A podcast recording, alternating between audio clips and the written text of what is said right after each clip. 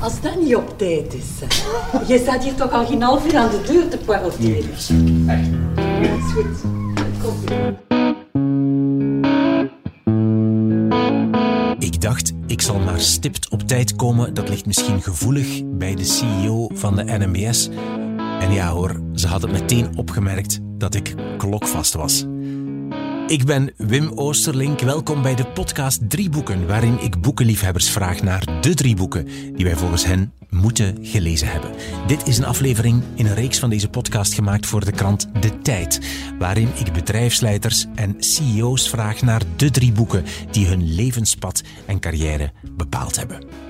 In deze aflevering is mijn gast Sophie Dutordoir, geboren in 1962, CEO van de NMBS, de Nationale Spoorwegen. Ze studeerde Romaanse aan de Universiteit van Gent, werkte op verschillende kabinetten, waaronder dat van toenmalig eerste minister Wilfried Martens. Ze werkte voor Electrabel, werd daar CEO, stapte op om een eigen delicatessenzaak te beginnen in Overijse, ze vertelt er straks meer over, en werd in 2016 gevraagd als CEO van de NMBS. Ik ging bij Sophie Dutordoir thuis. Ze woont in Overijse. Haar zoon was ook thuis om te studeren. We gingen zitten aan tafel om over boeken te praten. Over managementboeken was ze kort geen interesse. De drie boeken die ze kiest zijn niet rechtstreeks verbonden met haar werk, maar ze zijn wel stuk voor stuk ja, verbonden met haar persoonlijkheid, met uh, de keuzes die ze maakt. Dat zal je zo meteen wel horen. Het gaat over haar thesis op de universiteit. Ik vroeg haar welk aspect van de delicatessenzaak die ze uitbaatte in Overijse ze meenam naar de NMBS, wat ze daarvan geleerd heeft. Over de ontmoeting met een van haar helden. Over lezen op reis en het bijzondere ritueel dat ze daarvoor samen met haar man ontwikkeld heeft. De drie boeken en alle andere boeken en auteurs die we noemen in deze aflevering vind je op de website wimoosterlink.be onder het kopje podcast drie boeken. Neem ook een kijkje op tijd.be slash podcast. En dan nu veel luisterplezier met de drie boeken die je moet gelezen hebben, volgens Sophie Dutordoir zicht op de, de helling richting uh, Tombeek, Terlanen en daarachter ligt Waver. Oh, maar prachtig, het is echt mooi. En een boom, wat hangt daar nu een badmintonpluimpje in? Uh, ah, nee, het is voor de vogeltjes. Dit is een, uh, een parasolplataan die vol hangt met uh, bollen voor de, de koolmeesjes. En zoals je ziet vliegen die permanent aan en af. en zelfs zal je nog de, de bonte specht zien en de groene papegaaien uit, uh, uit Brussel. Beloofd? Ja, binnen het uur heb je dat allemaal. Geweldig. Maar ik ga ook, ik ga ook een beetje naar, naar uw boekenkasten spieken, want daarvoor ben ik hier eigenlijk. Uh, ik heb daar, um, daar is een bureau ja? en daar staat een boekenkast en hier staat ook een boekenkast. Wat is, ja. Vertel eens, wat is het verschil? Of ah, het verschil waar? tussen de, de twee, uh, in het salon heb je de kunstboeken waar je eigenlijk meer van ver naar kijkt dan echt binnenin, maar die, die zeer mooi zijn om naar te kijken van ver. En dan in mijn bureel zelf is, uh, is mijn bibliotheek met de, een mengeling van, van alles, van alle boeken die ik al gelezen heb, nog ga lezen, woordenboeken, encyclopedieën, uh, kookboeken. Uh, ik heb er zo een staan in mijn bureel, ik heb er een staan in de kelder en ik heb er een staan boven. Qua kasten bedoel je? qua kasten met boeken. Boeken, ja, inderdaad. Staan en er, er, is geen enkele volgorde. Nee. Dus alles zit door elkaar. Um, dus je vindt ook niks terug. En ik vind onmiddellijk alles terug. We kunnen zelfs eens de test doen. dus eens proberen misschien straks. Staan er ook staan er managementboeken ook tussen? Want je noemt, ik denk dat, dat ik romans uh, zag, kunstboeken zeg je? Uh, er staan op helemaal het bovenste schap, waar ik een ladder voor nodig heb, een aantal managementboeken die mij ooit gegeven zijn geweest, maar ik ben niet van de nature om uh, zo'n boek open te doen. Ah, ik heb er nooit een gelezen en ik ga er ook nooit een lezen. En waarom zeg je zo duidelijk, ik ga er nooit een lezen? Omdat het niet mijn interesse wegdraagt. Ik ben liever voor uh, ervaring op het terrein en van daaruit uh, bijsturen. Ja. Lees je veel? Ik ben altijd een zeer grote lezer geweest. Eigenlijk is het mij uh, van kinds af ingelepeld geweest. Ik heb uh, het geluk te, uh, van de jongste van zes te zijn. Dus toen ik geboren werd, stond daar eigenlijk een hele, boek, een hele reeks boeken op mij te wachten. En het is eigenlijk begonnen uit, uit, uit plezier en begonnen met, met strips, zoals, zoals dat moet. En dan, ja, dan kwam de humaniora en dan was het eigenlijk het eerste echt boek, denk ik. Ah ja, ja. En weet je nog wat dat was? De koning van Katoren, Jan Terlouw. Ik denk dat dat... En, en nog altijd, mocht ik nu tijd hebben, ik zou onmiddellijk Jan Terlouw herlezen. Ik denk dat ik die al tien keer heb herlezen. En dan sluit je jouw humaniora af en dan heb ik eigenlijk een, een dubbele souvenir. Dat is één, en ik vind dat een must-have voor iedereen. Dat is l'Anthologie de la Poésie Française. Dat is voor mij het referentieboek van de, de Franse poëzie, gecompileerd door uh, Georges Pompidou. En dan in de tijd toen wij de humaniora, of om de humaniora te verlaten en hogere studies uh, te mogen doen, bestond nog zoiets als een maturiteitsexamen. Ik vind dat een vreselijk woord. en dat was eigenlijk tweeledig. Je moest een verhandeling schrijven en je moest uh, een werk maken over iets. En de verhandeling, die titel achtervolgt mij nog altijd. Dat was Leven en Dood, een Siamese tweeling. Ik begrijp nog altijd niet vandaag hoe ik daar vier bladzijden heb kunnen over, over pennen. En dan mijn eindwerk heb ik gedaan over Madame Bovary van, uh, van Flaubert. ik vind dat eigenlijk een zeer langdradig boek. Zou ik nu niet onmiddellijk aan iemand aanraden. Maar onlangs was er in KVS Madame Bovary. En ben ik eigenlijk met zeer veel plezier gaan naar kijken. Was uh, wondermooi gebracht door uh, Maaike Neuville. Dus een goede maand geleden en uh, enorm van genoten. Ah, dus dat was eigenlijk mijn eerste periode echt gepassioneerd en, en graag lezen en voortdurend lezen. Ja. En dat op Tunif, zou ik zeggen, ben ik eigenlijk door een fase gegaan van verplichte lectuur. Um, ik, heb romaanse gestudeerd eerst en dus eerste kandidatuur was uh, geschiedenis van de wereldliteratuur, gegeven door professor Bolkmans. Was je verplicht om dertig boeken te lezen. Maar heeft mij terzelfde tijd toch de Russen leren ontdekken, de, de Dostojevskis en de, de Solzhenitsyns, Baudelaire, Rob Cries, Joersenaars. En was het met tegenzin of was het, of was het oké om dat te lezen, al die klassiekers? als je iets moet doen, maar dat is ook weer mijn, mijn natuur, mijn temperament, dan doe ik dat niet graag. Maar ik ben achteraf wel blij dat ik daar iets van heb opgestoken. Maar heb ik dat graag gedaan? Nee, eigenlijk niet. We hebben zo ooit in de licenties een boek moeten lezen, uh, La femme de 30 ans van Balzac. Ik denk, uh, ik heb hem nog altijd niet gelezen. Als, als je mij zegt je moet, dan, dan geeft dat iets dat, niet, dat, niet, dat niet klopt. Dus ik zou zeggen, dat was mijn fase van verplichte lectuur. En dan uh, in mijn derde fase, mijn professionele fase, maar die is intussen al, al 40 jaar aan de gang, uh, lees ik, en tot mijn grote spijt, eigenlijk alleen maar tijdens het jaar louter professioneel. Het is te zeggen, notas, notas, notas, notas lezen. Ik zeg zelf niet oeh, het is, het is een keuze. Ik zou kunnen zeggen, ik lees ze niet. Maar om mijn job goed te doen heb ik nood en zin om, om veel te lezen. Maar nog eens geen managementboeken. Hè. Telkens over het domein, over notas die mijn mensen produceren. Behalve heb ik nood aan twee dingen. Uh, elke ochtend heb ik een krant nodig. En het moet een papieren krant zijn. En ik, ik neem er maar tien minuten voor, maar als ik een krant niet gelezen heb, is mijn dag niet te beginnen. Uh, ik moet elke dag één of twee editorialen kunnen lezen. Uh, ik lees graag Margot van der Straten, ik lees uh, Julie Kafmeijer, ik, lees, uh, ik probeer elke dag Beatrice Delvaux te lezen. Maar zo, uh, columns eigenlijk? het editoriaal, de, als editorialist, ja. De, de mening van zo... De, de mening van, ja, ja, het eerste blad van de krant, hè, of in de morgen het tweede blad van de krant. En, en s'avonds, maar ik werk laat, meestal tot, ja, tot, tot één uur. En dan om... Eén uur?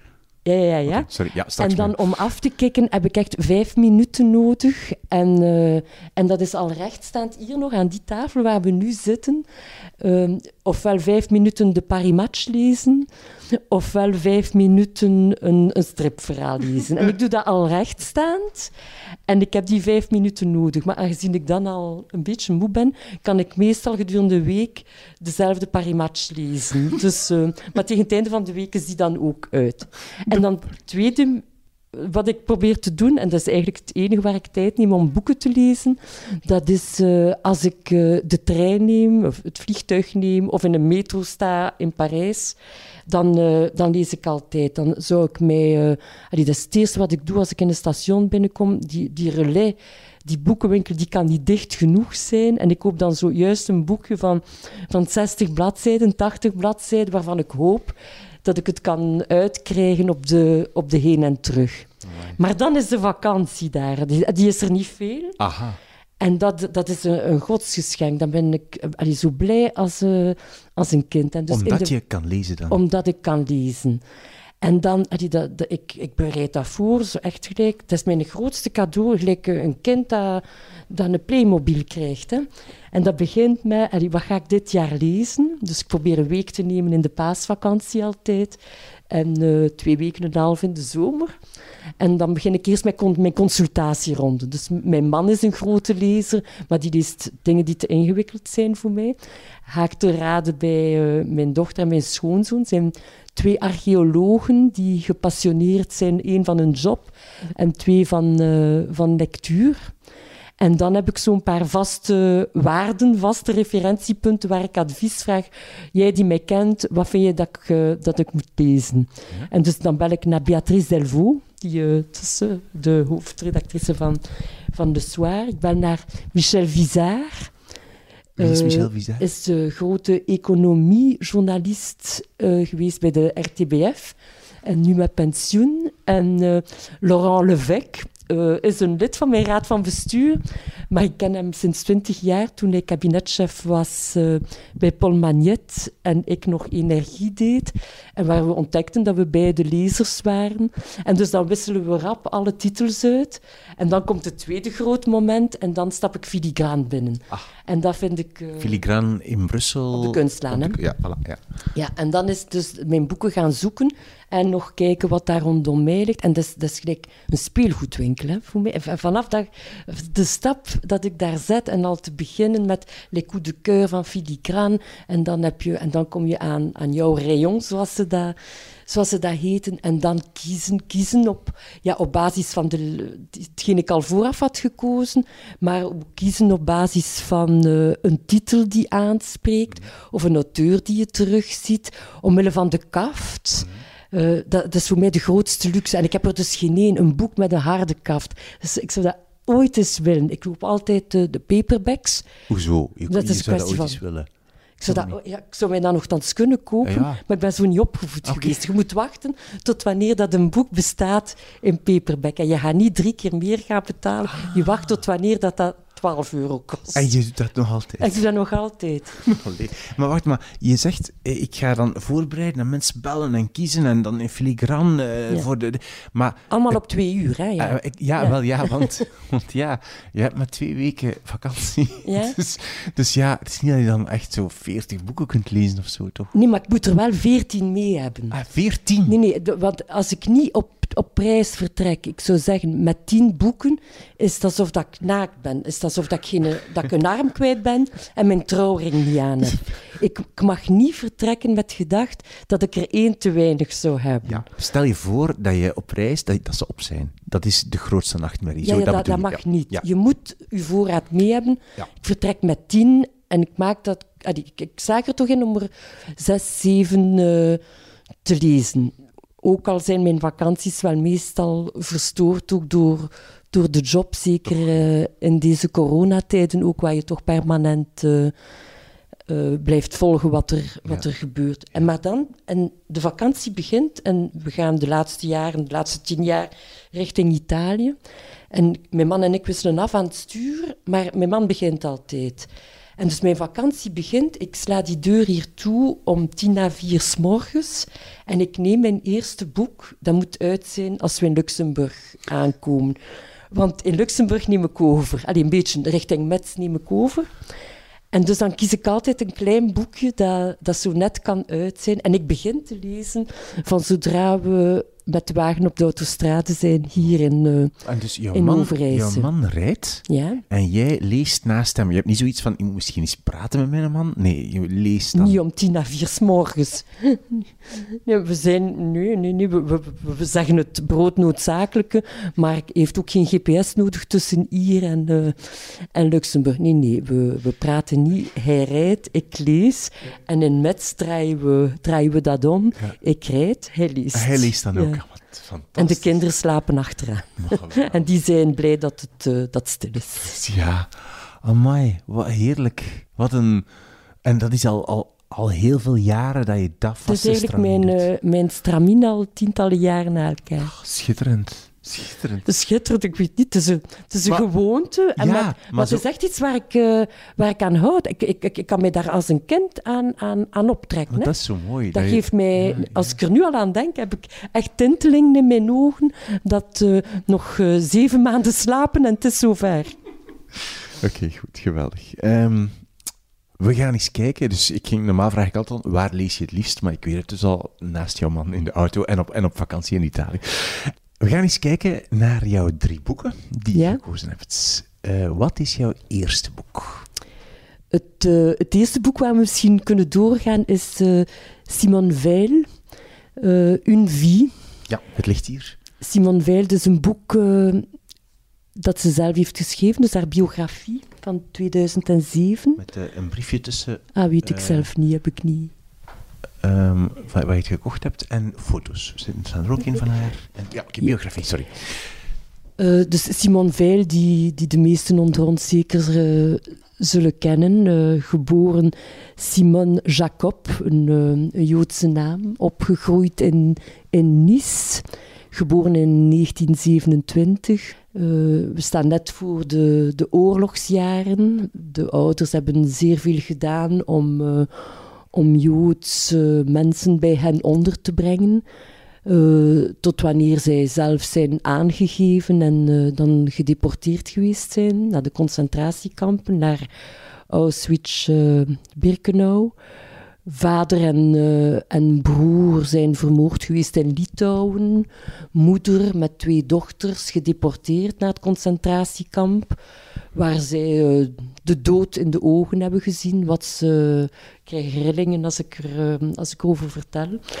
Ehm, waar ze die periode met een zeer grote nuchterheid en sereniteit beschrijft, maar de, de hardheid aantoont van die concentratiekampen, waaruit ze dan is kunnen vluchten eh, naar Bergen-Belsen, de dodenmars, waarna trouwens haar moeder is gestorven. Dan is ze teruggegaan naar Frankrijk, opgevangen door een tante en onkel in Zwitserland.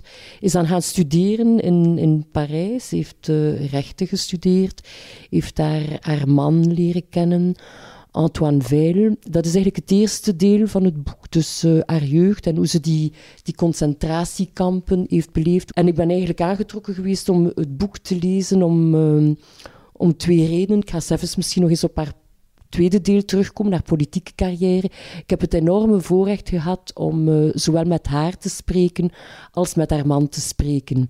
Ik heb haar ontmoet in het, eh, in het Europees Parlement in 1986. Zij was toen fractieleider van de, de Europese Liberalen. En eh, zij kende mij niet. Ik kende haar natuurlijk van op... eh, ik wist wie zij was. Maar zo, zo zacht voor, eh, voor jonge mensen en zo ons, ons geloof geven in, in onszelf en in wat we aan het doen waren. En je hebt, heb je haar aangesproken? Hoe is dat? Ja, ja we dat? hebben een, een zeer lang gesprek gehad. Ik werkte toen op het kabinet van, van Wilfried Martens, eh 40 jaar geleden. En ik was toen in Straatsburg om zijn eh, informatica-project van destijds te gaan uitleggen aan de Europees parlementairen. En ik heb dat dus ook met haar eh, mogen doen. Eh, uitleggen waarmee België bezig was. Maar onmiddellijk peilde zij naar de ruimere interesse van zo geïnteresseerd in... in mensen, in, eh, in vrouwen, in jonge vrouwen, om hen, eh, om hen de moed te geven om eh, altijd een mannetje te staan. En haar man was daar dan bij of zo? Haar man heb ik leren kennen en in een totaal ander leven toen ik CEO was van Electrabel. En hij was bij momenten communicatief raadgever van de groep GDF Suez, Parijs. Ah. En zo ben ik terug met hen in contact gekomen en dat was... Dat was zo mooi. En waarom ben ik dan... Dus zij zijn dan allebei overleden nu intussen, een paar jaar uh, terug. En ik ben haar boek terug uh, gaan lezen, eigenlijk toen ik bij de NMBS kwam. Omdat een van de eerste dossiers die op mijn tafel uh, kwamen, dat was van de rol die NMBS naar het voorbeeld van andere spoorwegondernemingen in Europa al dan niet zou hebben gespeeld in de deportatie van Belgische Joden naar de concentratiekampen. Oeh. Ik vond dat een, een bijzonder zwaar dossier. Ik ben toen voor het eerst in mijn leven eigenlijk ook in contact gekomen met de, de Belgische Joodse gemeenschap. Ik heb ook hun, hun Joods centrum bezocht in Brussel. En dus uh, inderdaad moet er nog, uh, er is al veel historisch werk geleverd in België naar uh, de rol die ons land daarin heeft gespeeld.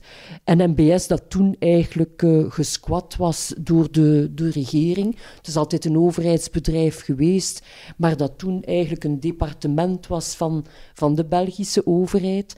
De, de bezetter, van de bezetter dus ook? Dat ook gerevokeerd geweest is door de bezetter Om, de, om de deportaties te doen. Dus dat is effectief gebeurd ook, ja. ja, ja. Eh, dat is gebeurd en er is ook... Uh, dat is gebeurd en dat moet ook erkend worden. Ik denk dat alles ook begint met erkenning van de feiten, zodat je opnieuw aan een respectvolle toekomst kunt gaan bouwen. Um, maar er is ook veel anders gebeurd. Ik denk dat er ook veel Belgische cheminots uit de tijd veel in het werk hebben gesteld om treinen nooit te laten aankomen die moesten vertrekken. Die treinen gesaboteerd hebben, die treinen tot stilstand gebracht hebben. En ik denk dat het ook belangrijk is om, om die rol ooit duidelijk te maken. En dat is eigenlijk nog een dossier dat uh, ooit door de Belgische Senaat zal moeten beslist worden, aangezien het toch gaat om een, uh, een landsmaterie en ook de rol die het land daarin heeft gespeeld. En dus zo ben ik eigenlijk terug bij haar gekomen, haar boek gelezen. Um, want het tweede deel van haar boek gaat dan over haar, haar politiek leven. Zij is dus uh, minister van Volksgezondheid geweest, ik denk onder, uh, onder Giscard d'Estaing nog. Dan is zij um, de eerste voorzitter geweest van het rechtstreeks verkozen Europees Parlement. Dan liberale fractieleidster van de Europese Liberalen. En zij heeft toch enorm veel gedaan voor de verruiming van anticonceptie. Het zijn misschien onderwerpen die vandaag uh, zo evident lijken, maar dat was niet het geval in 1974. Uh, en dan is zij, na, zij opgekomen ook voor uh, alles wat AIDS is, de AIDS-bestrijding. En een zeer grote rol gespeeld dan ook in de erkenning van en de herinnering van de Shoah, van de Jodenvervolging. En ze heeft daar eigenlijk iets uh, in mij bijgebracht, ook als professioneel, wat zeer belangrijk is. Dat is dat alles moet beginnen met de erkenning. Als je een probleem wil oplossen, moet je eerst het probleem erkennen. En de moed hebben om dat te erkennen. En het is pas als je het erkent en erkent dat het heeft bestaan, dat je denk ik op een respectvolle manier uh, naar een oplossing kan gaan zoeken. Ik vind dat bijzonder belangrijk, professioneel ook. Wat is het probleem? Erken het. Is het er wel een? Ja, nee. En is het er een?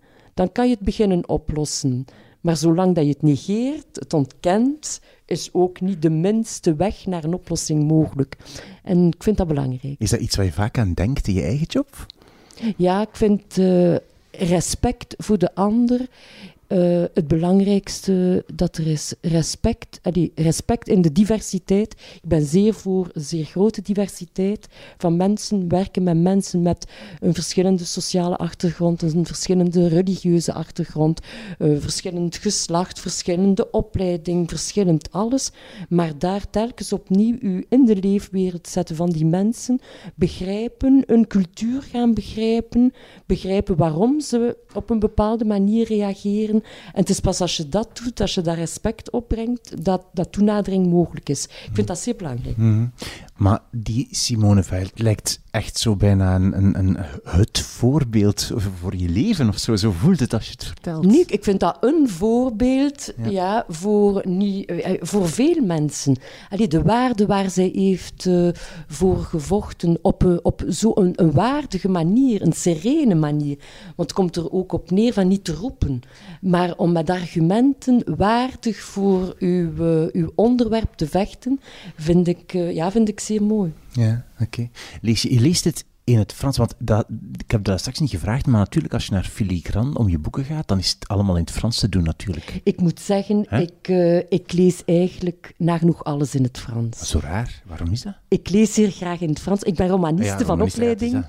dus, uh, en ik blijf in het Frans lezen. Dat is wat overblijft. Misschien het enige wat overblijft van mijn romaanse. Ja, uh, is, is dat ook nodig om een... Je leidt natuurlijk een tweetalige onderneming. Hè?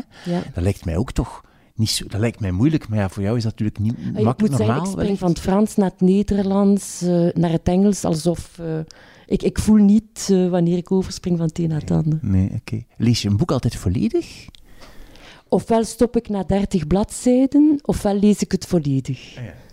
Ja, maar ik ga meestal tot, ja, ja, ik ga tot het einde altijd. En ik zit er altijd vreselijk met in als ik zo mijn laatste boek opnieuw aan het lezen ben met vakantie omdat ik weet dat ik weer zes maanden ga moeten wachten, dat ik er die dertig laatste bladzijden niet kan, uh, kan doorjagen. En dus op de terugweg lees ik ook natuurlijk. Uiteraard, dat, dat, dat wel door. En de eerste avond als ik terug thuis kom om het boek te beëindigen.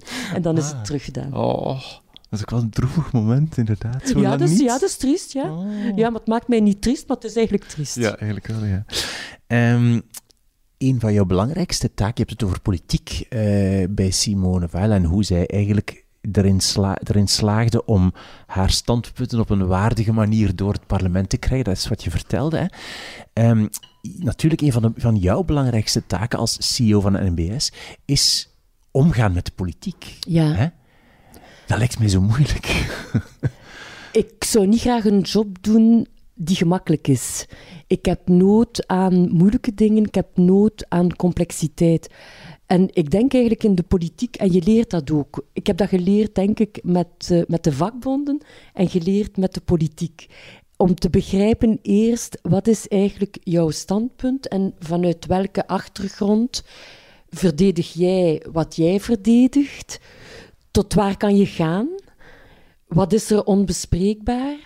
En ik denk dat het zeer belangrijk is dat je dat vanuit de twee hoeken kan doen. En dat begint opnieuw met, respect hebben voor uw, uh, uw interlocuteur, uw gesprekspartner, om beginnen met elkaar te begrijpen. Soms kan dat op een uur, soms vergt dat jaren. Maar dan naar elkaar, naar elkaar toe groeien is, is levensnoodzakelijk om ergens tot een oplossing te kunnen komen waar iedereen zich kan in terugvinden. En uh, een oplossing die iedereen dan kan gaan verdedigen, ook naar zijn, uh, naar zijn mensen toe. En is die er altijd, die oplossing? Lukt dat altijd om iets te vinden waar iedereen zich dan in kan vinden? Ik denk dat dat in de meeste gevallen lukt. Soms vraagt dat uh, zeer veel tijd, maar ik denk dat er toch bij de meeste mensen die ik heb ontmoet over alle partijen heen, over alle vakbondsaffiliaties heen, mensen zijn die, dat is typisch Belgisch ook, wij willen zoeken naar, naar oplossingen. De typisch Belgisch, typisch algemeen, misschien ken, ken niet voldoende de cultuur ergens anders, maar het willen zoeken naar oplossingen is toch iets wat wezenlijk, uh, wat wezenlijk in ons zit. Mm -hmm, ja. Wat vind je het moeilijkste aan jouw job als CEO? Um, Eén, ik wil dat het moeilijk is en dat het complex is. Uh, de combinatie met twee levens is iets waar je moet leren mee omgaan. Twee levens? Met een privéleven, ah, met opgroeiende kinderen, met opgroeiende kleinkinderen, met dementerende ouders eigenlijk ben je op twee fronten 100% eh, bezig en gesolliciteerd. En het moeilijkste is eigenlijk om te aanvaarden dat terwijl je op je werk bent, je daar even niet kan zijn voor de anderen. En terwijl je met de andere bezig bent, dat je daar eigenlijk minuten aan het afpakken bent waarvan je vindt dat je op jouw werk zou moeten zijn. Is dat zo? En het moeilijkste is eigenlijk daarmee leren omgaan. Maar je leert dat een plaats geven. En bijvoorbeeld bij mij, ik mag met de koning zitten, wat soms gebeurt. Ik mag met de paus zitten, wat nooit gebeurt. Ik mag met gelijk wie zitten. Belt een kind mij, ik zal onmiddellijk het gesprek uh, onderbreken. Ja om te luisteren. Ik vind als, uh, als zij nood hebben om mij op dat moment, en precies dat moment, iets te zeggen, zal ik daar altijd onmiddellijk. Uh, ja.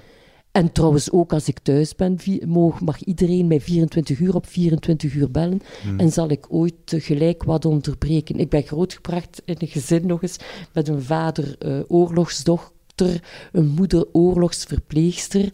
Ik heb zeer veel telefoons weten toekomen op het meest precieuze moment van de dag, waarop wij met acht aan tafel zaten, s'avonds, en mijn moeder erin slaagde om op één moment die troep samen te krijgen, en waarbij om één na acht de telefoon kwam van een patiënt, en waarbij om twee na acht mijn vader terug vertrok, of om drie na acht mijn moeder uh, de wonden aan het naaien was. Ik heb nooit bij ons thuis horen zeggen sorry, we zitten aan tafel. En ik heb een gloeiende hekel als ik me dat iemand hoor zeggen. Ja. Sorry, ik zit aan tafel is dus iets wat niet mag gezegd Geen worden. argument. Er waren twee dingen die niet mochten. Dat en in een zetel zitten thuis. Er was één zetel in huis en die was voor mijn vader. En ook vandaag nog kan ik niet in een zetel zitten en heb ik nog nooit in een zetel gezeten. Ja, Ja, maar wij, wij moesten, alle kinderen moesten op een stoel zitten. Wij moesten recht zitten. Zaten we niet recht, dan werd er eh, een wandelstok tussen ons armen gezogen. Ja, maar dus we hebben wat discipline gekregen, maar terzelfde tijd in de grootste levensvreugde en de grootste gulheid. Ja, maar ook een soort strengheid. Je zegt van, ik wil dat het moeilijk Dat is. niet streng. Ik, ik zit ook niet graag in een zetel. Ik zit alleen graag op een stoel. Mocht ik graag in een zetel zitten, zou ik nu in een zetel gaan zitten. Maar ik zit niet graag in een zetel. Ik zit graag recht. Wat je zegt van die twee levens, um, enfin, twee levens van uh, het privéstuk en het, het, het werkstuk.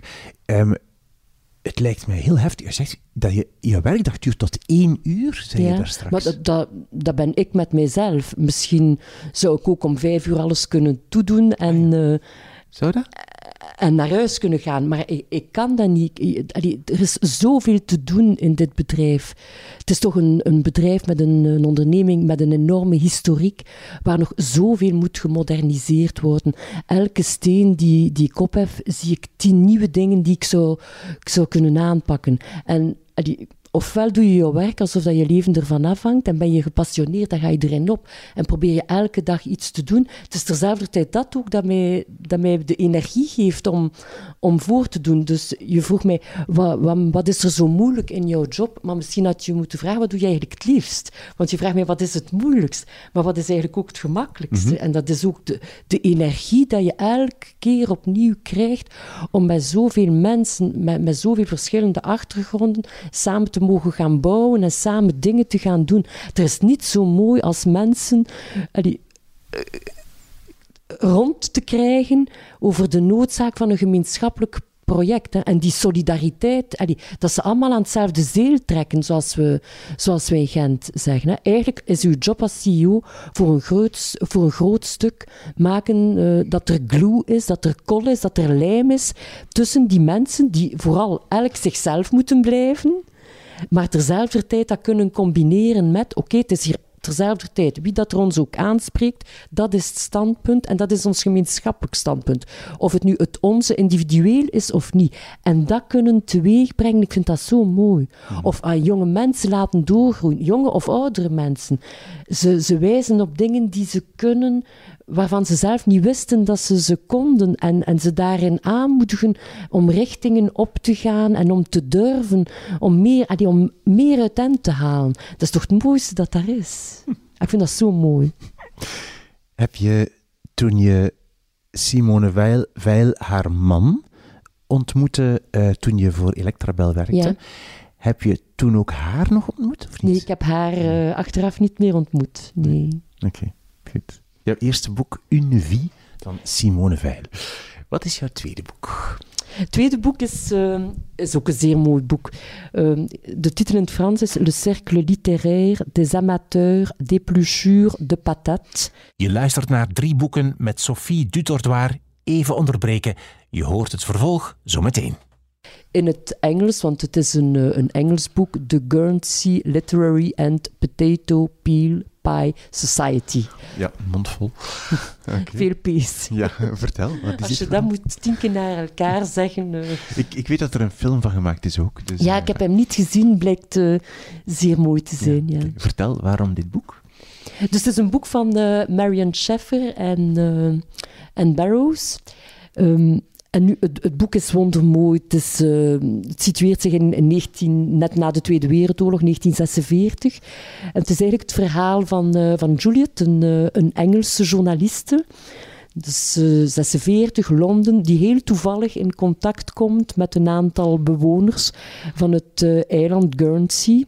En tussen beiden begint zich een, eh, een correspondentie te ontwikkelen. Zij schrijven naar elkaar. En zij komt zo beetje bij beetje te weten hoe eigenlijk Guernsey heeft geleden onder de Duitse bezetting tijdens de Tweede Wereldoorlog, waar mensen eigenlijk ontzet geweest zijn van, van al hun goederen. Daar waren heel wat farmers die ontzet geweest zijn van, van hun vee, van hun schapen, van hun varkens, zich gereconverteerd hebben in de kweek van, eh, van aardappelen en, en rapen. En die dan eigenlijk om aan de Duitse bezetting te ontsnappen, een eh, literaire club gesticht hebben als dekmantel om toch nog samen te kunnen komen na de, de avondklok. Is dat echt gebeurd of heeft ze dat verzonnen? Ik denk dat het een verzonnen verhaal is. ja, ik weet het weet eigenlijk dus niet.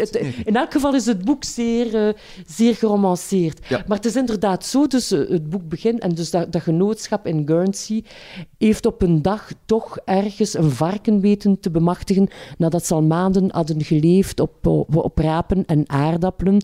En dus de buurvrouw nodigt de, de naaste buren uit om met een mes te komen allemaal, want er is een varken te verdelen. En s'avonds gaan zij beschonken naar huis, maar na de avondklok. En zij vallen op een Duitse patrouille die hen vraagt waar zij vandaan komen. En daar is één zeer creatieve dame in het gezelschap die onmiddellijk zegt: Sorry, maar wij hebben het uur niet zien voorbijgaan, want wij waren eigenlijk aan het discussiëren over literatuur en nog meer bepaald over de Duitse tuinen. Waarbij zij eigenlijk zo het alibi hadden om terug naar huis te kunnen gaan. Maar Sanderendaag schieten zij allemaal wakker en uit vrees controle te krijgen van de Duitse bezetter, gaan zij dus overal in het eiland boeken gaan zoeken om toch die pseudo-literaire club te gaan oprichten. Maar zij hebben die dan ook echt opgericht. Voilà. En zij zijn elkaar blijven zien en blijven spreken over, eh, over literatuur. Vandaar de Guernsey Literary Society. En waarom Potato Peel Pie Society? Omdat bij die bijeenkomsten de grootste luxe was om een aardappeltaart te eten, maar dus een taart gemaakt van aardappel en rode biet.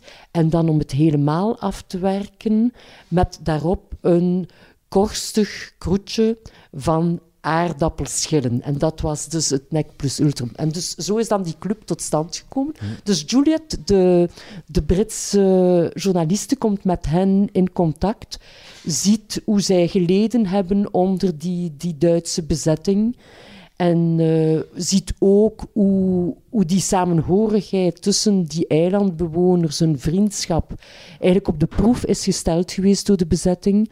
En beslist dan op eh, een bepaald moment af te reizen naar het eiland om die eh, Literary Society te gaan ondervragen. Ze wil eigenlijk een boek schrijven over hen. En zo raakt ze ook eh, totaal in, in de ban van wat die mensen hebben eh, beleefd, hebben meegemaakt. eh, een samenhorigheid, een, een vriendschap. Ja. En ze besluit uiteindelijk om op het eiland te blijven wonen en daar haar leven te maken. Ehm, wat dat, dat boek betreft, wat sprak of spreekt jou daar zo in aan? Welk stuk? Is het de literaire kring? Is het het oorlogsverhaal? Één, als ik gewoon die, de titel van het boek zag, heb je al, al zin om te gaan lezen wat daarachter zat. Twee, was het mij opnieuw aangeraden door een van mijn, ah ja, vaste... van mijn vaste referentiepunten en ben ik dat gaan lezen. Maar als je, heb je het ooit zelf gelezen? Je moet het echt lezen. Je moet het lezen. Het is, het is van een pracht. Het is een, een boek geschreven in briefvorm. Dus je moet daar twintig bladzijden in komen, maar dan heb je eigenlijk zin om, om door te gaan tot, uh, tot het einde. Dus gewoon al de vorm waarin het in, uh, in geschreven is, is een vorm die zeer gemakkelijk leest. En het verhaal op zich over wat die mensen hebben beleefd, opnieuw die waarden van, van vriendschap, van elkaar blijven verdedigen door alles heen. Dat, dat gevecht, uh, die drang naar vrijheid, die, die vrijheidsdrang. Ik vind dat zo'n belangrijke gedachte ook in het leven. Voor mij is het zeer belangrijk van twee zaken voortdurend te, gecombineerd te zien in het leven. Dat is de absolute vrijheid met de absolute loyaliteit samen. En dat is perfect combineerbaar. Maar loyaal blijven aan, aan mensen, loyaal aan waarden, loyaal aan uw afkomst, vooral uw afstand. En nooit vergeten van waar dat je komt, maar terzelfde tijd altijd vrij blijven denken, onafhankelijk blijven denken, onafhankelijk van, van mensen, van dingen, van, van geld. Daar ja, en die twee combineren is zo, zo rijk. Ja, zoals je zei, um, als ik het moet doen, dan doe ik het ja, niet. Ja, nee, nee, onmogelijk. Dat heeft daarmee te maken, toch? Ja. En ze, eh, bij Electrabel wist bijvoorbeeld mijn, mijn hiërarchie dat ook zeer goed. We moesten daar eigenlijk om lachen. De weinige keren dat ze mij gezegd hebben, uh, dat zou je nu toch moeten doen, en het was dan nog zeer beleefd gezegd, zeiden ze ook al onmiddellijk daarna, oh ja, ja nee, we nee, weten, nee, niet. zeg dat zo niet. Zeg het anders. Nee, nee, zeg het anders. en was dat echt zo? Ja, dus ze wisten, ze wisten dat. Ze kenden jou zo goed ja. dat ze dat niet, niet ja. deden. Grappig. Ja. Um, ik wil het even over jouw delicatessenwinkel hebben, want Mhm. dat is toch wel een, een, alleen een prachtige, of ik vind het toch een prachtige episode of zo. Dus in 2014, denk Mhm. ik, ben je een delicatessenwinkel gestart. Je was CEO van... Je mag dat eigenlijk gewoon een café noemen. ook, Was een café? Nee, nee, nee, nee, maar ieder, de, de eerste journalist die mij interviewde noemde dat delicatessenzaak. Ah. Maar dat, is, dat was eigenlijk een winkeltje waar dat je kon eten en drinken. Dus ik noem dat eigenlijk mijn café, café. in Overijssel. was een café in Overijssel. Maar je kon een mooie Italiaanse producten kopen. Ja, voilà, voilà. Ja. Ja. dus een beetje tussenin. Eh, in 2014, je was CEO van Electrabel. Mhm. Je bent gestopt. Je hebt dan die, ehm, de- die, dat caféwinkeltje Ja. geopend. Eh, dat lijkt mij zoiets... Ik, dat sluit naadloos aan bij iemand die over zichzelf zegt... ehm, als ze mij zeggen dat ik het moet doen, dan doe ik het niet. Mhm. Namelijk, ik doe mijn eigen zin. Was dat Mhm. zoiets? Ik ben zeer dankbaar voor de 25 jaar dat ik bij Electrabel heb mogen werken. Dat is altijd zeer belangrijk. Ook zeer dankbaar voor de acht jaar ervaring die ik op het kabinet van de premier gehad heb voordien. En op een bepaald moment kwam ik bij Electrabel tot een punt waar mij gevraagd werd inderdaad iets te moeten doen. Het is te zeggen, een organisatie te implementeren waar ik niet in geloofde, eh, waar ik een rol zou spelen. Ik noem dat dan van speakerin. Het is te zeggen, de Belgische belangen blijven verdedigen van het bedrijf. Maar waar ik geen aansturing meer had over de 20.000 elektrabellers die ik dagelijks aanstuurde. En nog eens, ik, het is het voorrecht van een, eh, een aandeelhouder om standpunten te hebben. En dan ben je akkoord of ben je niet akkoord. En ben je akkoord, dan zwijg je. En ben je niet akkoord, dan trek je daaruit jouw conclusies op een zeer serene, vredige manier. Maar ik heb nood om mijn energie te hebben om met mensen te werken. En de mensen zouden toen allemaal vanuit Parijs worden aangestuurd. En, ik heb daar eigenlijk, en dat viel samen met het feit dat ik al 30 jaar aan het zeggen ben: eigenlijk hetgeen ik wil doen, is een café openen op een dag. Het is te zeggen, bij mensen zijn, sociaal zijn, hen gelukkig maken en eigenlijk een plaats geven waar zij graag zijn. En willen ze spreken, ik zal spreken. Willen ze niet spreken, ik spreek niet. Willen ze door het raam kijken, ze kijken door het raam. Maar eigenlijk iets gaan creëren. Maar het moest ook, het moest ook terug moeilijk zijn. Dus ik zeg, ik, ga dat, ik had dat in Brussel kunnen doen, waar iedereen mij intussen, allee, waar ik eh, 30 jaar gewerkt had ja, binnen intussen. de politieke wereld, als het ware. Ja, Ja, maar ik zeg nee, ik wil dat hier in Overijse doen. Ik ben niet van hier, niemand kent mij hier, behalve van de lagere school waar de kinderen dan intussen eh, gegaan zijn. En toen ik dat vertelde hier aan een paar basketvrienden in Overijse, zeiden ze, maar jij bent goed zot. Als je niet van hier bent, vergeet dat jij ooit iemand over je vloer gaat krijgen. Je moet hier geboren en getogen zijn. Zo'n beetje gelijk eh, de film of het boek Chocolat, hè. Als je, waar ze eerst van achter de hoek gaan kijken hoe de pralines eruit zien. En, eh, en de eerste, ja, en dus ik zeg oké, het is moeilijk. En dan is dat een beetje gelijk kaas. Hè. Je, begint met een winkel in te richten en je zoekt een naam en je geeft dat Popeye. En dan, dan begin je te denken met wie dat je gaat werken en wat dat je gaat doen. En dan gaat dat open. En ik ging dat eigenlijk allemaal runnen. Ik met mijzelf als een grote. Ik ging alles zelf doen. Eh, de koffies, de, het bordje antipasti, het winkeltje. Maar dus na een week, en de eerste weken, komt Brussel kijken of ik daar echt sta. eh, en of, of daar niet twintig andere mensen in gezet. Maar nee, ik stond daar altijd. En dat was ook de bedoeling. En, eh, maar na een paar weken werd dat toch zeer druk en drukker en drukker. En wat eigenlijk begon met een winkeltje waar ik alleen een glas goede wijn wou schenken, of minder goede wijn, en, en een glas Prosecco aan 4 euro en half, want alles, alles moest zeer democratisch zijn, en een bordje ham. Vroegen de mensen mij dan, ja, maar heb je ook soep? Maar ik zeg, nee, soep heb ik niet, maar vanaf morgen is er soep. Allee, als je uit een gezin van acht komt, weet hoe dat je goede soep moet maken. En dan antipassie, maar heb je ook iets warm? Ik zeg, nee, maar iets warm heb ik zeg, maar vanaf morgen zal er warm zijn. En dan begon dat met één spaghetti en twee spaghettis. Ik, was, ik heb, ben geen kok. Ik had ook geen kok in dienst, nog keukenpersoneel in dienst. En dan ga je naar de wet van 56 gaan kijken. Wat laat de wet van 56 u toe te doen als je zelf geen kok bent? Wat mag je serveren, gelijk dat we dat noemen als kleine zelfstandigen? En dan blijkt daaruit, je mag een croque monsieur geven, een spaghetti. En dan omwille van de een of andere lobby mag je de carbonaat geven, een vol au vent en, en nog iets. Daar met, precies een, een, ja, een vleesindustrie zat daarachter op dat moment. Ik zeg, oké, ik ga dat allemaal... En een assiette anglaise. Ik zeg, oké, ik ga dat allemaal naar mijn hand zetten. Een assiette anglaise, dat wordt bij mij een vitello tonato. De carbonaat, dat wordt bij mij een carpaccio. Een spaghetti, dat wordt bij mij dan om duur een ossobuco met een beetje spaghetti. En ik maakte dat allemaal zelf, hier samen met mijn man. Dus uh, s'avonds, als het winkeltje gesloten was, van acht tot twee stonden wij te koken. En om vier uur zat ik terug mijn wekker, want men had beslist dat mijn taart goed was. En dus dan begon ik hier kaastaarten te maken en tiramisu's en panna cottas. We hebben enorm veel geleerd. Ik heb eigenlijk in mijn leven nooit zo vlug en zo ten gronde iets geleerd over klanten als in dat winkeltje. Over het respect dat je moet hebben voor de klanten, hoe je hen moet dienen als koningen. En, en terecht, hè. Het was eigenlijk ook een zeer mooi verhaal. Want wat ik niet wist toen ik dat begon, dat is dat dat winkeltje, met, met, vier grote ramen, hè, dat, dat was licht en dat was zon. En je zag gans Overijse passeren. En dat winkeltje lag ook naast het OCMW zorgtehuis van Overijse.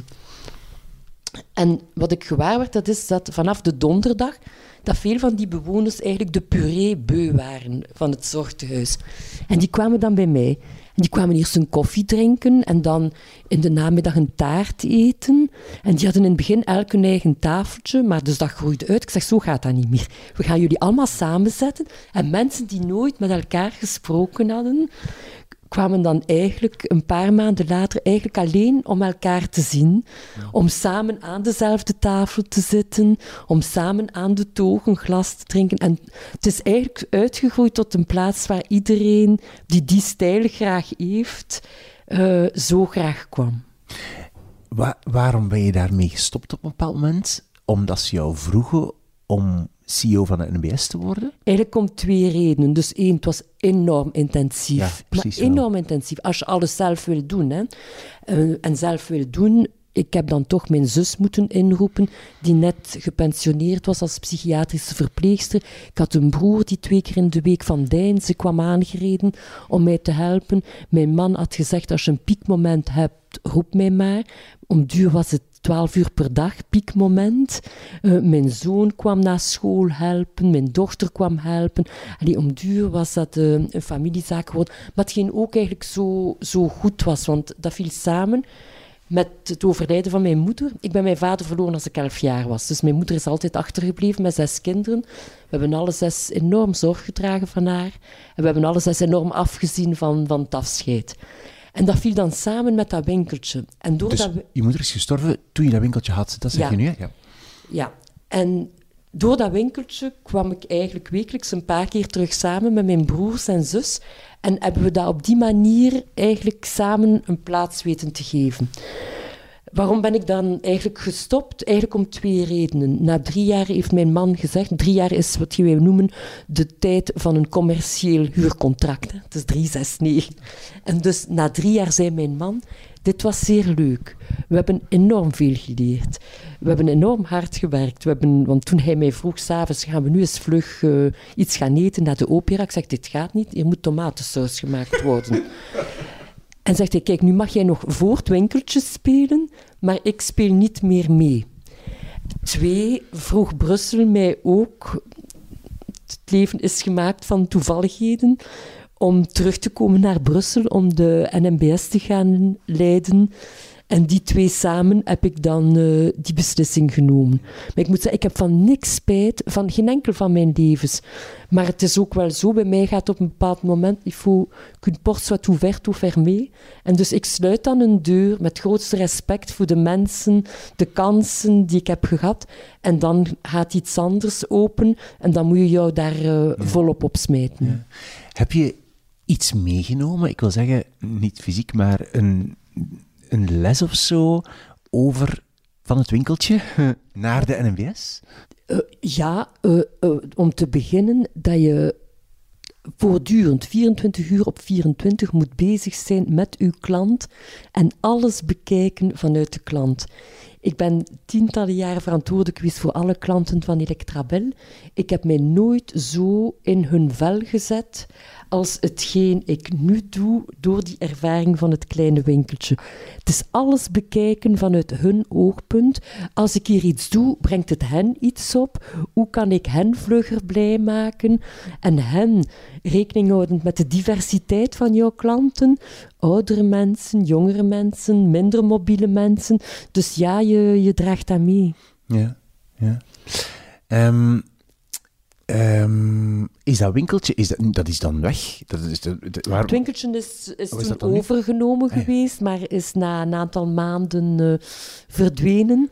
En is nu een, uh, een ijssalon geworden, met trouwens zeer goed ijs. En ik zie dat daar telkens zeer veel volk is en dat doet mij zeer veel plezier. Ah, ja. En het is nog met dezelfde uh, Italiaanse designlampen van van toen. Die zijn blijven Flosch, hangen. zeer goed merk. Flosch. Ik denk Flosch. Is, daar, is dat niet een rare naam voor een merk van designlampen, Flosch? Maar als het maar aanspreekt, zou ik zeggen. Ja, ik Niks weet, is, maar, uh, nee, ja. maar het, het is misschien iets aan, anders. Ik hoop dat ik denk aan iets anders is. bij Flosch. Bij En ook dat was zo leuk, gewoon dat winkeltje inrichten. Want uh, ja, je begint daar maar aan. Hè. Heb je nooit winkeltje gespeeld. Dus je eerst een keer bij Unizo. Je leert het uniek ondernemingsloket kennen. Dat is een beleving op zich. En ik zeg, nu moet ik iemand hebben die, die iets weet van, van winkeltje inrichten. Ah, ja. En ik heb toevallig een zeer goede jeugdvriend die gespecialiseerd is in het inrichten van winkels met een koeltoog. Ik zeg, die moet ik hebben. Hè. En die kwam dan van Gent het winkeltje inrichten. Ja, ik, ik heb, soms heb ik nog, vind ik nog dat dingen beter zijn in Gent nog altijd. Ik vind bijvoorbeeld, in het begin dat we hier wonen of in Antwerpen en ik had een vezelplaat nodig, dan vond ik dat die beter was in de Brico van Sindenis-Westrem. En ging ik van Overijse naar de Brico Dat van is, Sindenis. denk ik, dubieus of dat wel helemaal klopt. Ik denk van wel. Ik ga je oordeel niet in twijfel trekken, ik zou niet durven. Uh, jouw tweede boek was um, Mary Ann Sheffer. En Annie Barrow staat erbij met le cer- in het Frans is Le Cercle Littéraire des Amateurs d'Éplucheux. Dépluchure de patat. Sorry. Potato de patat, ja. Dat inderdaad. Goed, wat is jouw derde boek? Het derde boek... Mijn derde ik boek zeggen, zijn eigenlijk zes boeken ja, dat is samen. een- stapel eigenlijk van oude boeken. Vertel, wat is het? Het is misschien een, een curieuze keuze. Dus het gaat om de legende van Tijl Uilenspiegel en Lamme Hoedzak. Les aventures héroïques, glorieuses, euh, dans les pays de Flandre et ailleurs. Van eh, Charles de Koster. Een legende uit eh, de 16e eeuw. Duitsland, eh Tijl Uilenspiegel, de, de Vlaamse vrijheidsstrijder, met, die zorg draagt voor zijn vrouw Nele, met zijn goede vriend Lamme Goedzak. En die dus vechten voor de vrijheid, vechten. Het is eigenlijk onze plaatselijke Ivanhoe, onze plaatselijke Willem Tell, die opkomt naast de geuzen voor het gewone volk, voor de vrijheid, tegen elke vorm van, van onderdrukking, tegen de Spanjaarden, tegen de hertog van, van Alva. Een, een werk doorkruist van en, gespekt met, met echte vriendschap opnieuw, met, met vormen van anticlericalisme die je ook terugvindt bij de, bij de auteur Charles de Koster. En eh, een boek dat dan geschreven wordt in 1867 en toen het uitkwam eigenlijk geen enkel succes had. Eh, man heeft in armoede geleefd en heeft het is pas na zijn dood dat eh, Charles de Koster en het boek is uitgeroepen tot eh, wereldliteratuur, vertaald geweest is in, in alle talen tot en met in het eh, Russisch en eigenlijk eerst meer bijval heeft genoten buiten België dan, dan in ons land. Waarom dat boek? Ik heb daar eigenlijk mijn, eh, mijn thesis over gemaakt in mijn laatste jaar Romaanse in, in Gent vroeger. Vandaar al deze exemplaren. Is dat jouw thesis, dit? Dat is mijn thesis. Ja, het, zijn wel, het zijn wel plekken op Nu zie ik intussen. het, mag ik hem pakken? Ja, ja, ja. Zie ja. ik hem? Ah, ik, sorry, ik, ik had niet door. Ja. Oh, wacht, ik ga even voorlezen. Oh, Ja, en mijn thesis ging eigenlijk, en dat is het mooie achteraf bekeken, want op het moment zelf, als je dat schrijft, opnieuw, je moet dat schrijven, dus je beleeft daar op dat ogenblik minder plezier Mm. aan. Maar ik heb dat nu gisteravond terug herlezen, en die- zo, zo rap die honderd bladzijden En? is zo. Ik heb eigenlijk genoten van het Dat is goed. Het is alsof dat door een ander is geschreven. Want echt, echt ah, goed gedaan van die, eh, gedaan, van die goed gedaan van die, voilà. Niet slecht. Wat ik En- even dus La réception de la légende d'Ulenspiegel de Charles de Coster en France et en Allemagne. Ja, Rijksuniversiteit Gent, faculteit Letterenwijsbegeerte, sectie Romaans Filologie, academiejaar 83-84. Ja. En dat was eigenlijk het mooie. Dus ik ben eigenlijk, heb ik achteraf gezien, gaan onderzoeken hoe dit boek na zijn verschijning ehm, gereceptioneerd geweest is, geprezen of niet is geprezen, tien jaar na zijn publicatie in Frankrijk en in Duitsland. En dat vergeleken. En wat ik hier dan onmiddellijk terug als link zou leggen, dat is... Dus dat boek is op een totaal andere manier ontvangen geweest door een ene en een andere cultuur. En ik denk ook opnieuw dat het belangrijk is om u te zetten in de leefwereld van die culturen. Waarom hebben de Fransen dat verworpen? Waarom hebben de Duitsers dat geadoreerd? Zet u in hun cultuur, begrijp hun achtergrond, heb respect. En dan eh, kan je dat gaan begrijpen. Wat, wat leg uit wat allemaal... Dus we hebben hier jouw thesis, oké, die heb ik gezien. Maar daaronder ligt een gigant... Dat is ligt eigenlijk het echte boek van Ah. 1867. Wat? hè? Oei, Ja. ik zit hier zomaar wat te friemelen. Jij, mag daarin kijken. Oei, oei, Niet iedereen mag dat, maar jij mag is, dat. Dit is de versie van 1807. Ja, dit is de versie van Oh 1867, my God. waarvan niet veel exemplaren bestaan. En met, de, ja, met het prachtige voorwoord van Le Hibou, de uil. Want uilenspiegel is eigenlijk niks anders dan uw liedenspiegel. Het is te zeggen, ik ga jou eens jouw spiegel voorhangen en zeggen wie jij bent zonder schroom. Ik ga doorheen jou kijken en, dus, eh, en ook de draak met jou houden. En dus dat begint met het voorwoord van Le Hibou, getekend Bubulus Bub, voordat het boek begint. Dat, maar jawel, moet dat, eh, ik ben tegen salondingen. Hè. Het leven is eh, gemaakt om eh, gebruik te maken van dingen. En dan heb je daar, eh, dat is dus geïllustreerd met veertig originele tekeningen, die destijds gemaakt geweest zijn. Ik moet zeggen, in de loop van de jaren heb ik zo, degenen die weten, uh, waarom word ik eigenlijk vandaag zo van dat boek? Eigenlijk om twee redenen. Die eeuwige strijd naar vrijheid, opnieuw naar vriendschap. En twee, en ik heb dat eigenlijk ook gisteravond teruggevonden, bladzijde 24 in mijn thesis, dat is eigenlijk, ik wist niet, ik was vergeten, dat Charles de Koster zo een groot nationalist was. Um, grondlegger nog eens van de Franstalige Belgische literatuur, maar nationalist, maar met uh, zo'n groot respect voor het bestaan van twee gemeenschappen in België. En mag ik eens zo twee minuten iets lezen ja. in, in het Frans? En hij, hij schrijft bijvoorbeeld allee, in 67. Nous-mêmes, Belges, si petits que nous soyons, serrons-nous aussi autour de notre drapeau. Et puisqu'il nous faut deux langues, het Frans en het Nederlands, adaptons-nous toutes les deux. Adoptons-les toutes les deux. Que l'une soit celle de notre gouvernement et de nos relations, mais que l'autre soit celle de notre intérieur. En hij gaat voort. Vlamingen, lees de Waalse poëzie. Walen, verdiep u in de Vlaamse auteurs. Het is opnieuw telkens datzelfde gedacht, vrees ik, denk ik. Mm -hmm. Dat is, heb respect voor de ander, mm -hmm. leer begrijpen. En je stelde mij daar juist de vraag, ja, een MBS is een tweetalig bedrijf, uh, net zoals Electrabel dat was. En ik denk dat echt noodzakelijk is als je in dergelijke nationale bedrijven werkt, dat alles op eenzelfde voet staat. Mensen op eenzelfde voet staat, of zij treinbegeleider zijn of de grootste ingenieur zijn, uh, Franstaligen, Nederlandstaligen. En dat het zo belangrijk is om, om dat allemaal evenwaardig te gaan uh, bekijken. Mm. En dus ik denk uiteindelijk dat ik eigenlijk ook een zeer grote nationalist ben, met uiteindelijk het diepste respect voor de eigenheden van de verschillende subgroepen. En dat alles begint opnieuw met, met respect met elkaar te werken en van daaruit te gaan bouwen. Mm -hmm. ja. Wat mij ook opvalt aan jouw boekenkeuze, jouw drie boeken, is dat, je hebt het zelf al gezegd, maar nog niet samengebracht, is dat het alle drie boeken zijn over of van een soort vrijheidsstrijders, toch wel? Hè? Wat je zelf zegt van ik doe niks wat ik moet doen. Ja, ja Simone Veil heeft, wat je vertelde over uh, uh, anticonceptie, en SIDA, hè? Wat, ook ja. toch, wat je ook zeg, heel duidelijk hè, aanduidde. Het, het, hetzelfde met de mensen in de, de literaire groep. Ja. Hè? En, en hetzelfde met de figuur van, uh, van Uilenspiegel, toch? Uh, ja, een soort vrijheidsstrijd. Ben je zelf ook een vrijheidsstrijder? Ja, ik houd, uh, ja, zoals ik daarnet zei, ik hou aan mijn uh, absolute vrijheid en de grootste loyaliteit. Ja, die gaat nog niet direct stoppen bij de NMBS?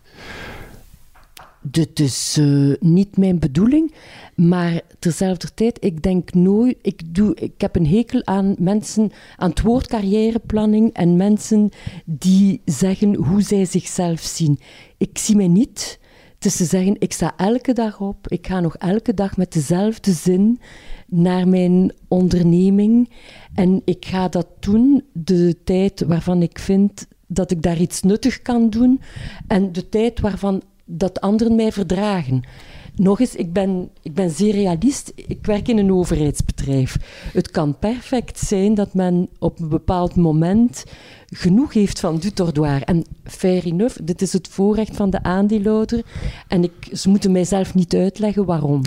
Misschien zou ik er wel plezier aan beleven om hen hen te vragen mij de uitleg te geven, omdat ik soms plezier neem om te zien hoe mensen zich in een bocht wringen om een verhaal uit te vinden. Dus waarschijnlijk zal ik, zou ik dat dan zo op dat ogenblik doen.